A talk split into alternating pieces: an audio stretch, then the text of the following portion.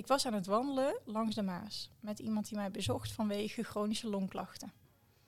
En ineens dacht ik tijdens dat gesprek, tijdens die wandeling, toen dacht ik, oh, eigenlijk, eigenlijk maakt het ook echt helemaal niks uit of ik hier nou wandel met de persoon die COPD heeft en chronische longklachten. Of de vorige keer met die persoon met reumatoïde artritis. Of de vorige keer met die persoon met kanker of met, met suikerziekte. En ook eerder met depressie of burn-out. Eigenlijk, dacht ik, lijkt het helemaal niks uit te maken op welke manier verloren gezondheid zich uit.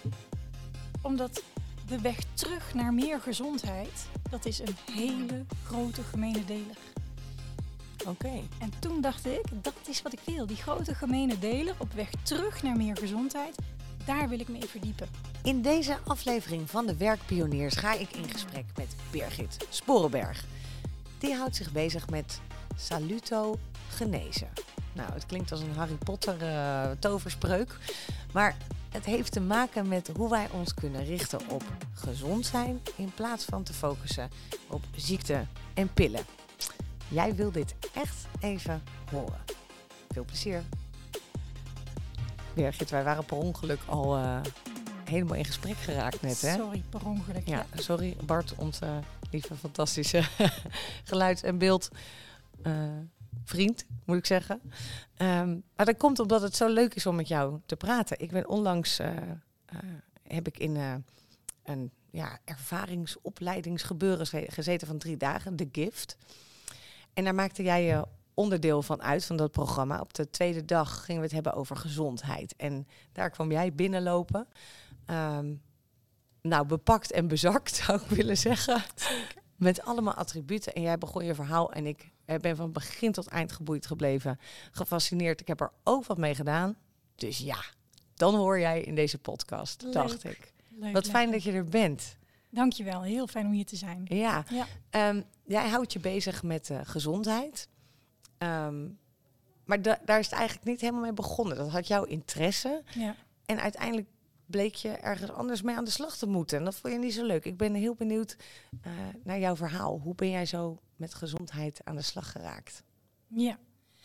Ehm, nou, eigenlijk gaat het best ver terug. Ik denk dat ik. ehm, ik herinner me vroeger dat we bij ons thuis, hè, met mijn ouders en mijn zus, eh, na het avondeten vaak voor de tv zaten. Zoals heel veel huishoudens, denk ik, hè? na het avondeten tv aan. En ik was altijd vooral heel erg gecharmeerd eh, van Medisch Centrum West. Hmm. Dat vond ik zo leuk. En ik dacht vroeger al, one way or another, daar moet ik zijn. Ik wil in Medisch Centrum West. En toen dacht ik, ja, dan heb ik eigenlijk twee opties. Hè. Dan kan ik oftewel eh, de toneelschool gaan doen, of ik ga geneeskunde doen. Ik word dokter of acteur. Dat Ja. zijn de mogelijkheden eigenlijk. En toen eh, ben ik gaan eh, loten voor geneeskunde hè, na mijn eh, middelbare school. En ik ben een paar keer uitgeloot. Dus toen besloot ik, nou dan toneelschool. Daar ben ik eerst mee begonnen. Maar ik merkte ook al snel, dit is eigenlijk niet mijn weg. Ik heb al een paar andere studies eventjes gedaan. Totdat ik uiteindelijk ingelood werd voor geneeskunde. En dacht ik, nou hier voel ik me toch meer op mijn plek. En toen heb ik die studie mogen doen in Maastricht. Ontzettend fijn, veel geleerd. Maar niet zo heel veel over gezondheid. En dat was eigenlijk voor mij toch wel een beetje de reden geweest om ehm, aan ge- geneeskunde te gaan beginnen. De eerste trigger was Medisch Centrum West. Daarna dacht ik, oh ja, ik hou ook echt van gezondheid. Laat ik geneeskunde gaan studeren. Dus ehm, ja, maar toch in mijn beleving tijdens die hele studie dacht ik, hè, maar waar is, waar is het onderwerp gezondheid? Het is vrij veel ziekte en heel erg veel medicatie. Ja, Maar ik kwam voor gezondheid. En ehm, toen, ik, ik genoot er wel van. Dus ik ben eerst gaan werken als arts op de spoedeisende hulp. En want ik, ik hou ontzettend van sensatie en spanning. Vind ik heel erg leuk. En toen dacht ik, nou ja, als het arts... begon al een beetje bij die soaps natuurlijk. Ja. Precies, dat vond ik al heel erg leuk. Maar ik dacht, laat ik mezelf echt voor de leeuwen gooien. Zo voelde het ook wel. Ik wil echt leren dokteren, dus laat ik beginnen op de spoedeisende hulp. Nou, daar heb ik zo van genoten. Dus het was zo'n fijne tijd. Maar misschien kun je je voorstellen, op de spoedeisende hulp is het onderwerp gezondheid echt ver te zoeken. Ja, dat geloof ik wel, ja. Zowel bij de patiënten als bij het personeel over het Ja. algemeen. Ook bij mezelf. En dat maakte ook dat ik dacht van, eh, ah, ik wil eigenlijk iets anders ernaast doen. Ik wil eigenlijk een, een bijbaantje. Eh, ik heb tijdens mijn studie altijd sportlessen gegeven, aerobics en spinning. En ik ben er altijd veel mee bezig geweest. En ik dacht toen ik als arts op de SCH werkte, van ik wil eigenlijk hier ook weer iets met dat gezondheid of met dat sportachtige doen. En dat, dat maakte dat ik me inschreef voor een eh, Maastrichtse stichting, Service Medicaal. En die doet de medische begeleiding van sportevenementen. Ja. En ehm, mijn eerste uitzending voor hun, hè, de eerste vraag om eh, eh, iets te gaan doen voor hun, dat was voor de Olympische Spelen. Zo. Ja. Jij dacht, ik begin lekker eh, een beetje Ja, aan de download. Ja, nee, hoor, ik mocht gelijk de bak erin. ja, precies. Ik mocht naar, wat is het, eerst Turijn en later ook naar Beijing. En wat ik daar merkte, is dat ik daar in contact kwam met heel veel eh, eh, supporters, maar ook met sporters en het team rondom de sporters, die eigenlijk allemaal bezig waren met stimuleren van meer gezondheid. Nog sneller worden, nog krachtiger, nog flexibeler, nog eerder kunnen ehm, herstellen. Ja, en toen dacht ik, ah, dit is echt gaaf. Dit gaat over gezondheid en het stimuleren daarvan. Dat wilde ik leren. En toen dacht ik, ah, als ik terug ga naar Nederland, dan moet ik eigenlijk dat ziekenhuis uit.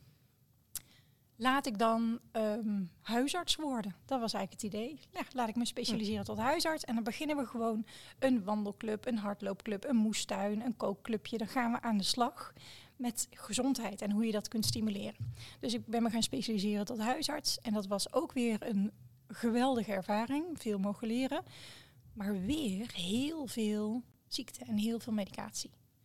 En dat vond ik toch een beetje gek, omdat ik intussen wel in de gaten had van als mensen vragen hebben omtrent hun gezondheid en hun leefstijl, dat ze dan, hè, op basis van de literatuur we- eh, weten we dat, dat ze dan eigenlijk het meest vertrouwen hebben in het antwoord van hun huisarts. Ja, dat ik is had, zo. ja, ik had die huisartsopleiding gedaan. Ik dacht, ja, maar ik heb dat niet voorbij horen komen. Waar heb ik het gemist? En dat maakte dat ik, ehm, nou ja, ik was wel heel blij met de opleiding en dankbaar dat ik dat allemaal heb mogen doen. Ik voelde me ook toegerust om van alles te kunnen gaan doen voor mensen. Dus ik ben gaan werken als huisarts. Maar ik voelde ook, eigenlijk vragen mijn patiënten voortdurend, wat kan ik nou zelf doen? Aan mijn reumatoïde artritis, aan mijn migraine, aan mijn suikerziekte, aan mijn trage schildklier, whatever. En toen kwam ik op het spoor van de evolutionaire geneeskunde en de klinische psychoneuroimmunologie, Zo, de PNI. Ja. de PNI, dat is wel korter. Ja, hè, dat Wat houdt dat in? Nou, dat is eigenlijk een manier van kijken die. ehm, ja, ik moet er altijd goed over nadenken. Maar eigenlijk gaat het erover dat je een organisme als geheel ziet. Ja. En je zou zeggen, ja, dat is logisch misschien, hè? Maar als arts had ik intussen vooral eigenlijk geleerd om een persoon als losse orgaansystemen te gaan bekijken. En dat is hoe in mijn beleving, in ieder geval in die tijd, ik vooral heb geleerd hoe geneeskunde elkaar steekt. Dit zijn de hersenen, lijkt zo te werken. Dit zijn de darmen, lijkt zo te werken. Dit is het afweersysteem. Maar wat die met elkaar te maken hebben, Mhm. daar ging het eigenlijk niet of nauwelijks over.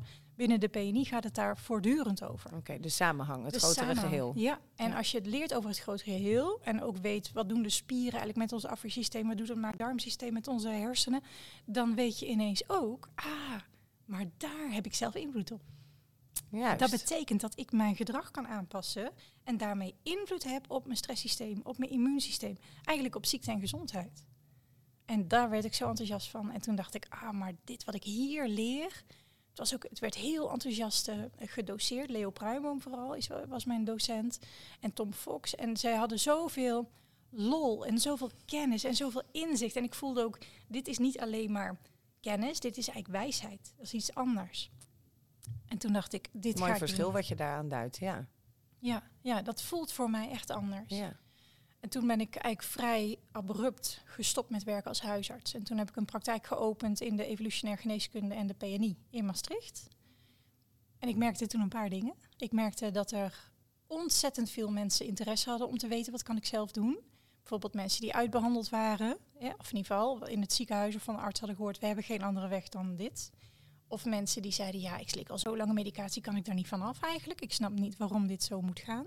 Of mensen die zeiden, eh, ik ben gezond, maar ik hoop ook echt gezond te kunnen blijven. Heb je tips voor me? Dus ja, er waren heel veel mensen die wilden graag iets weten over gezondheid. En ik merkte ook van, laat ik nou anders gaan werken dan hoe ik dat als huisarts moest doen. Hè? Die tien minuten kwartiertje per persoon die ik eigenlijk had als huisarts, merkte ik al snel, dit kan eigenlijk voor mij niet. Ik kan niet jouw verhaal en ook nog een beetje een relatie opbouwen en met je meedenken binnen zo weinig tijd. Dat is niet te doen. Dus ik dacht, laat ik eh, veel langer de tijd nemen. Anderhalf uur, twee uur. Laten we gaan wandelen. Als het kan, Mhm. buiten. Als mensen kunnen wandelen. Ik woon aan de Maas in Maastricht. Dus dat komt mooi bij elkaar. Dus dat is eigenlijk wat ik deed. Maar binnen no time was er een hele grote wachtlijst. Omdat, ja, Ja, heel dat- veel mensen willen. ja, en dan is anderhalf, twee uur best lang. Dan is het een beetje lang. Ja, als precies. al die mensen, eh, als je die kwijt moet in een week. Ja. Hoe, hoe heb, je daar een, eh, heb je daar een oplossing voor gevonden? Ben je dat gaan veranderen? Ja, nou zeker. Wat ik merkte is dat ehm, nou, er is een bepaald moment geweest en dat moment deel ik bijna altijd in mijn cursussen, want dat is voor mij zo'n ontzettend belangrijk inzicht geweest eigenlijk. Ik was aan het wandelen langs de Maas met iemand die mij bezocht vanwege chronische longklachten.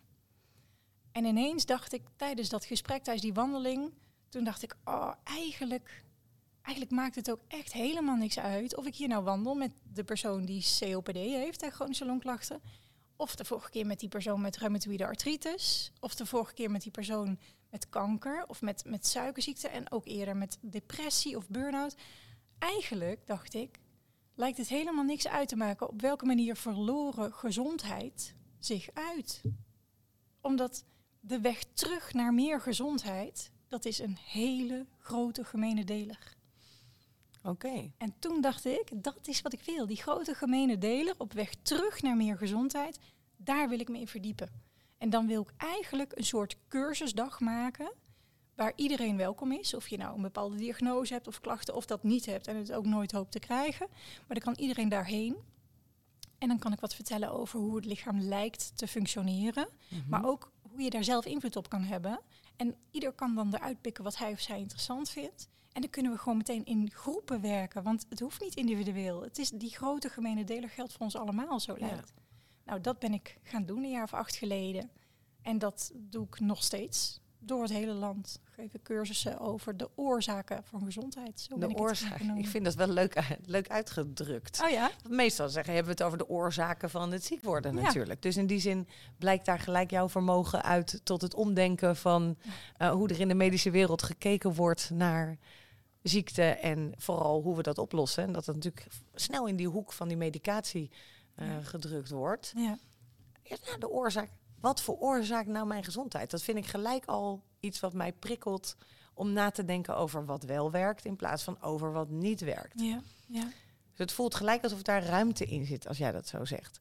Ja, ze staan hier al. Probeerde je al stiekem te spieken? Eigenlijk wel, Eigenlijk ja. wel, ja, dat kan me voorstellen. Eh, ik doe altijd even van tevoren ehm ja, tromgeroffel. Dus Oké. eh, daar komt ie. Christels, keuzemenu. Speciaal voor jou vandaag. In een hartbeat antwoorden, ja of nee? Oké. Geen enkele ruimte voor nuance. Oh, oké. Ik ben maar even streng met de regels, weet je maar. Nummer 1. Opvallend vernieuwer blijven in jouw gebied. Of zonder faam iedereen saluto genezen. Duidelijk de laatste. Duidelijk de laatste. Nou, de tweede konden we niet laten. GTST of Medisch Centrum West. Ach, medisch centrum best natuurlijk. Come on. Het is de bron van alles. Ehm, te gast in een podcast of je eigen podcastshow. Te gast. Nummer vier. Genezende gaven hebben of gedachten kunnen lezen. Hmm. Oeh, die is lastig. Oh, ik mag niet nadenken, hè? Eén. Gut feeling, genezende gaven. En dan de uitsmijter, een nummer vijf. Een cadeautje geven of een cadeautje krijgen. Is hetzelfde. is hetzelfde. Ik accepteer hem gewoon. Je zegt hem zo duidelijk. Dankjewel. Dit was het Christels keuzemenu voor deze keer. Merci. Kijk, nou snap ik dat we hier niet een hele cursusdag bij jou gelijk eh, kunnen hebben. Hè? Maar ehm, als je nou eh, mensen iets moet meegeven van, nou, dat is dan gelijk iets waar je veel impact mee zou hebben op je Mhm. gezondheid. Wat is een hele grote oorzaak van gezondheid voor ons? Dat is een hele grote vraag, denk Ja. ik. Zeker ook omdat jij natuurlijk vertelt alles samenhangt, kan ik me dat voorstellen. Ja, het is in mijn beleving inderdaad echt een web waar, wat, waar alles met elkaar te maken heeft. Maar wat ik denk te merken en wat ik ook terugzie in bijvoorbeeld studies die gaan over de blue zones. Hè, misschien ken je de blauwe Ja, zones. ja, die ken ik. Ja, die, de plekken waar op aarde hè, waar mensen het gezondst Ja. zijn. Ja, en lang ook gezond blijven. Hè, daar is gekeken naar voeding en beweging en bioritme. Allemaal belangrijke dingen, denk ik. En misschien zijn dat wel hele concrete stappen die je ja, vrij snel praktisch kunt invoeren in je leven, denk ik. Maar ik denk dat ehm, voor ontzettend veel mensen de allergrootste winst te halen valt op het vlak van zingeving, denk ik. Hm. Ja, waarom ben je hier? Of dat is wel een hele grote vraag. En meestal stel ik de vraag: welk cadeau ben jij eigenlijk? Wat kom je brengen? En als je daar echt even ruimte voor maakt en echt voelt van, ah ja, alle beslissingen die ik maak, zo gedurende de hele dag, kan ik die eigenlijk staven aan de koers van mijn interne kompas. Klopt dat bij mij? Ja. En wat ik merkte was, vooral toen ik één op één consulten deed, daar ben ik inmiddels mee gestopt, maar toen ik dat wel deed, dat ontzettend veel, ehm, vooral hoogopgeleide mensen met flink verlies van gezondheid, die zag ik veel in mijn praktijk. En wat zij vaak aangaven was van, ja, ik heb eigenlijk wel een idee welk cadeau ik ben en wat ik kon brengen. En ik kan mezelf ook best wel een beetje uitdelen, zo hier en daar, maar vooral in de weekenden en avonturen. En toen dacht ik, ah, hoe, hoe zou het toch zijn als je jezelf voortdurend een beetje kan uitdelen? Als het gewoon overal, al je beslissingen, of in ieder geval zoveel mogelijk, in lijn zijn met de koers die jij voelt van binnen. Ik denk dat daar voor ontzettend veel mensen hele dikke winst te halen valt. En dan heb je het automatisch, denk ik, ook over meer verbinding met jezelf. En zien dat jij een onderdeel, onderdeel bent van een groter geheel. Dat je ingebed bent in een web van mensen, maar misschien ook dieren en planten en misschien de aarde, jouw eigen plek. Ja. Dus dat je jezelf onderdeel weten van iets groters, dat raakt voor mij heel erg aan zingeving. Ja. En dat is denk ik een super oorzaak van gezondheid. Ja. ja, daar word je echt gezonder van als je kunt leven naar jouw eigen cadeau. Dat kan ik, kan ik mezelf uitdelen. Vind ik ook weer mooi uitgedrukt. Eh, ik heb het idee dat jij jezelf goed kan uitdelen. Ik, Ja. heb jou voor, ik heb jou letterlijk in, als jij zo'n cursus geeft, je, je pakt bijna ook dingen uit tijdens het eh, vertellen. Ehm, maar ik kan me ook voorstellen dat jij in dit zingevingsstukje zelf ook nog wel eens een keer ergens tegenaan loopt. Want jezelf alleen maar de hele tijd kunnen uitdelen en super gezond en fit. En, en eh, hè, dat gaat. Wat is voor jou een. eh, loop je daar wel eens eh, ja, tegen een, eh, een obstakeltje aan hier en daar? Ik loop voortdurend tegen obstakels gelukkig. Het gelukkig. Ach, ja, dat vind ik ja. toch geruststellend, merk ik. ja, hè, dat is ook zo. zeker. Nee, zeker. Alleen, ik denk dat ehm, de, de, eh, hoe ik daar tegenaan kijk wel een beetje is veranderd de afgelopen jaren. En ehm, dat ik voor mezelf ook meer ben gaan bekijken van eh, wat wil mij dit nou zeggen? Dat waar ik tegenaan loop. Wat, wat speelt hier? Hè? Welke boodschap ligt erin besloten? En ook ehm, wat ik vaak gebruik, wat ik vaak zeg ook in cursussen, goed, beter, best. En alles daartussenin. Want het gaat er eigenlijk over in de kern dat chronische stress, een chronisch geactiveerd stresssysteem, dat lijkt een basis te zijn onder heel veel varianten van verlies van gezondheid, in mijn beleving. En als je nou denkt, oké, ik ga echt voor mijn gezondheid, ik ga werken aan gezondheid, maar nu ga ik ook aan de slag en ik ga goed eten en dat en dat. Nou ja, dan maak je eigenlijk alleen maar meer chronische stress aan. Dus mildheid ook. Hè? Een beetje laveren. Hè? Zoals ik, ik, geef jaartrajecten en langdurige trajecten waar mensen er echt mee aan de slag gaan. En een van de belangrijke metaforen die daar eigenlijk op dag één of twee naar voren komen, is denk aan de koorddanser. Hm. De koorddanser kan alleen maar op dat touw blijven staan door voortdurend een beetje naar links en dan weer naar rechts te vallen. Dat is de manier waarop die recht blijft. En ik denk dat als mensen in de gaten hebben, oh ja, ik mag af en toe een beetje naar links, als ik dan daarna ook weer een klein beetje naar rechts ga. Nou, dat houdt ook een beetje de lol erin. Dat maakt dat je er een beetje mee, mee kan spelen. Ja, En dat, zo zie ik het ook voor mezelf. ja. Ja. Steeds weer zoeken. En wat we noemen dat natuurlijk eh, zoeken naar de balans. Ja, in alles. Want dit is wel een leuke spelende metafoor, Ja. inderdaad. Ja. Hey, en ehm, want dit gaat over de, je zingeving. Heb je het over? Dat is een belangrijke oorzaak. Ehm, die, die eronder ligt. Maar dat is ook, nou ja, ik kan me voorstellen dat als jij nu nog hier naar luistert en je denkt, ja, maar ik weet helemaal niet precies wat mijn cadeau is of nee. wat mijn zingeving eh, is. Ehm, zijn er ook dingen waardoor ehm, ja, door te focussen op die gezondheid in meer de, de praktische zin, ja. ehm, zegt nou ja, als je eh, dit is iets waar je mee aan de slag kunt, waardoor je misschien ook wel weer makkelijker of rustiger of gezonder aan de slag kunt met het zoeken naar die zingeving. Ja, er zijn ontzettend veel manieren, denk ik, om daarmee aan de slag te gaan. Heel praktisch, een paar dingetjes. Hè, bijvoorbeeld, en het vergt een beetje meer uitleg om helemaal het waarom daarvan te begrijpen, denk ik. Maar voor nu, ehm, kijk eens wat er gebeurt met je lijf als je eh, jezelf uitnodigt om voor de maaltijd eerst eens te gaan bewegen. Hè, eerst even liefst ook flink bewegen voor het eten. Dus misschien eh, zeg je van nou, ik ga sporten eh, en welk moment kies ik daarvoor? Nou, misschien voordat je gaat eten. Als Ja. je bijvoorbeeld gewend bent om een rondje te rennen in de ochtend, kijk eens of het voor het ontbijt kan. En misschien kan dat niet in één keer. Hè. Misschien merk je in één, normaal deed ik altijd eerst eten en dan rennen. Misschien kan je een klein beetje minder eten van tevoren en gaan rennen totdat je merkt, oh wacht, ik kan eigenlijk prima rennen voor het eten. Goed, beter, best. Goed, beter best. Zeker. Ja. Of je moet nog een klusje doen in huis. Kijk eens of je dat voor de lunch kan plannen. Of wat dan ook. Ja, is wel leuk. Ik ben nadat ik eh, eh, bij jou eh, die cursus heb gevolgd, ook keihard aan de slag gegaan voordat ik ging eten, moet ik zeggen. Dat is wel gelukt. En jij hebt ook daar nog toegevoegd, als je, als je dan dieren, een honden hebt, dan moet je die ook maar even eerst uitlaten voordat ze het eten krijgen. Die heb ik ook toegepast. Nou, ze kijken vrij blij uit hun ogen. dus ik, ik denk dat het, eh, dat het werkt. Kijk aan. Ja. Hey, en ehm, eh, want jij hebt deze manier van eh, kijken, je hebt die achtergrond als huisarts. Je zegt ehm, mensen die meer academisch geschoold zijn, vinden juist soms wat- ook misschien wel wat lastiger vanuit alles wat daar aan informatie eh, in zit. Jij bent echt wel een ander pad daarin gegaan. Heeft dat ook wel eens ehm, eh, tot wrijving eh, geleid ergens? Wordt er wel eens op een andere manier over gedacht dan jij dat doet? Zeker. Zeker, ja. Zeker. Ja, ik snap dat ook heel goed. Ehm, weet je, ik weet dat toen ik zelf de PNI-opleiding deed, dat er een moment was, en dat is een opleiding van, eh, het traject wat ik deed was drie jaar, part-time.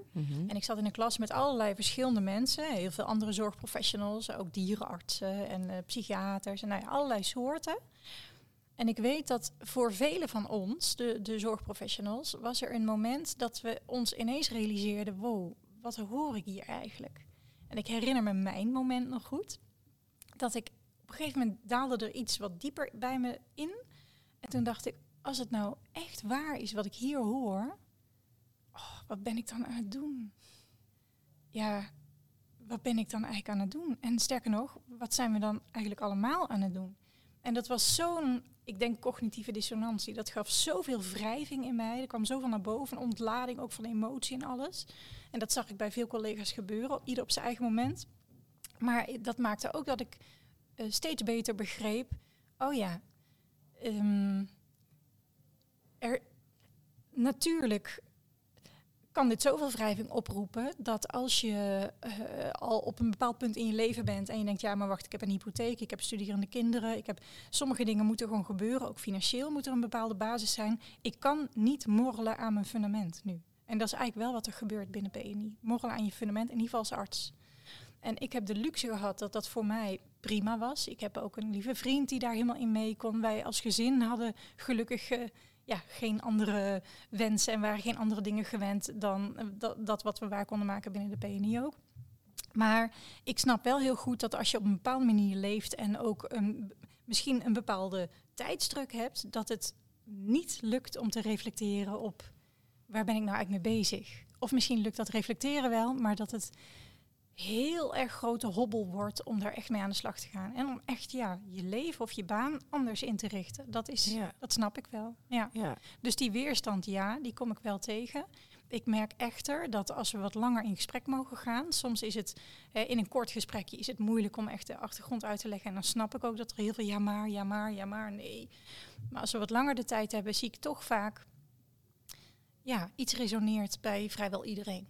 ja. Ja, Nou, ik denk dat het ook best spannend is om. ehm, het gaat ook echt over echt de eigen regie pakken ja, op je leven. ja, Want als je alle touwtjes zelf in handen hebt en het gaat niet zo goed, dan moet je daar ook elke keer weer zelf mee aan de slag. ja, En dat is aan de ene kant een heel bevrijdend inzicht als je daar meer en meer mee verbindt. ja, Maar in eerste instantie ook best wel eh, heel spannend. ja, Want het is toch altijd ook wel prettig als de oplossing buiten jezelf ligt of de schuld buiten jezelf zeker. Toch? Ja, Eh, dus eh, echt de verantwoordelijkheid nemen voor onszelf. Ja, dat heb ik ook soms nog best wel eens hoor. Ik denk, ach, wat zou het lekker zijn als ik nog iemand anders de vinger kon wijzen. Ja.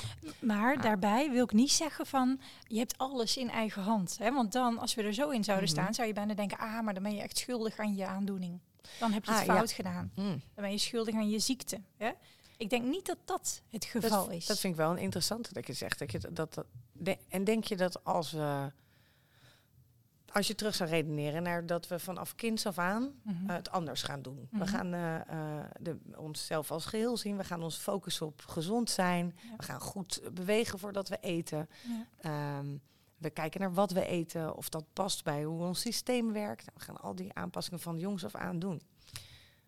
Ehm, en we leven ons cadeau. Worden we dan nog ziek?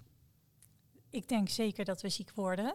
Echter, mm, want wij komen namelijk ook uit een buik. Stel dat we dit van jongs af aan leren. We zaten eerst in die buik van mama die het misschien nog niet wist. Of die in, niet in de omstandigheden was om daarna te leven. En die periode lijkt ongelooflijk belangrijk te zijn. Um, want dat lijkt de periode te zijn waarop wij het allersterkst zeg maar, geprogrammeerd worden. De hmm. gevoeligheid van ons stresssysteem lijkt met name daar te worden bepaald. Oh, en dat maakt denk ik ook dat de ene persoon gevoeliger staat afgesteld dan de ander. Waardoor je niet kan zeggen, ja, je hebt een hoge bloeddruk, je hebt het fout gedaan. Nee, dat, dat kan denk ik niet zo zijn. We hebben allemaal een andere mate van programmering in ons, andere mate van gevoeligheid, die meespeelt. Daarbij hebben we allemaal andere genen. We hebben allemaal andere kwetsbaarheden die getoond zullen worden, die tevoorschijn komen op het moment dat wij onder druk staan. Dat stress- en afweersysteem langdurig actief zijn. Ik denk echter wel dat ontzettend veel ehm, vormen van verlies van gezondheid die wij nu kennen en die we misschien ook ja, bijna for granted nemen. Hè? Bijvoorbeeld een hogere bloeddruk, bijvoorbeeld een um, verminderde botdichtheid, bijvoorbeeld uh, slechtere ogen. Nou ja, allemaal dingen dat je denkt, ja, is gewoon, dat heb je als je ouder wordt. Hoort erbij. Dat we toch zullen zien, oh nee, wacht. Dat hoort er niet per definitie bij. Dit lijkt een beetje de prijs te zijn die wij betalen voor een bepaalde verhouding tot onze omgeving. Ja. En ook onze innerlijke omgeving.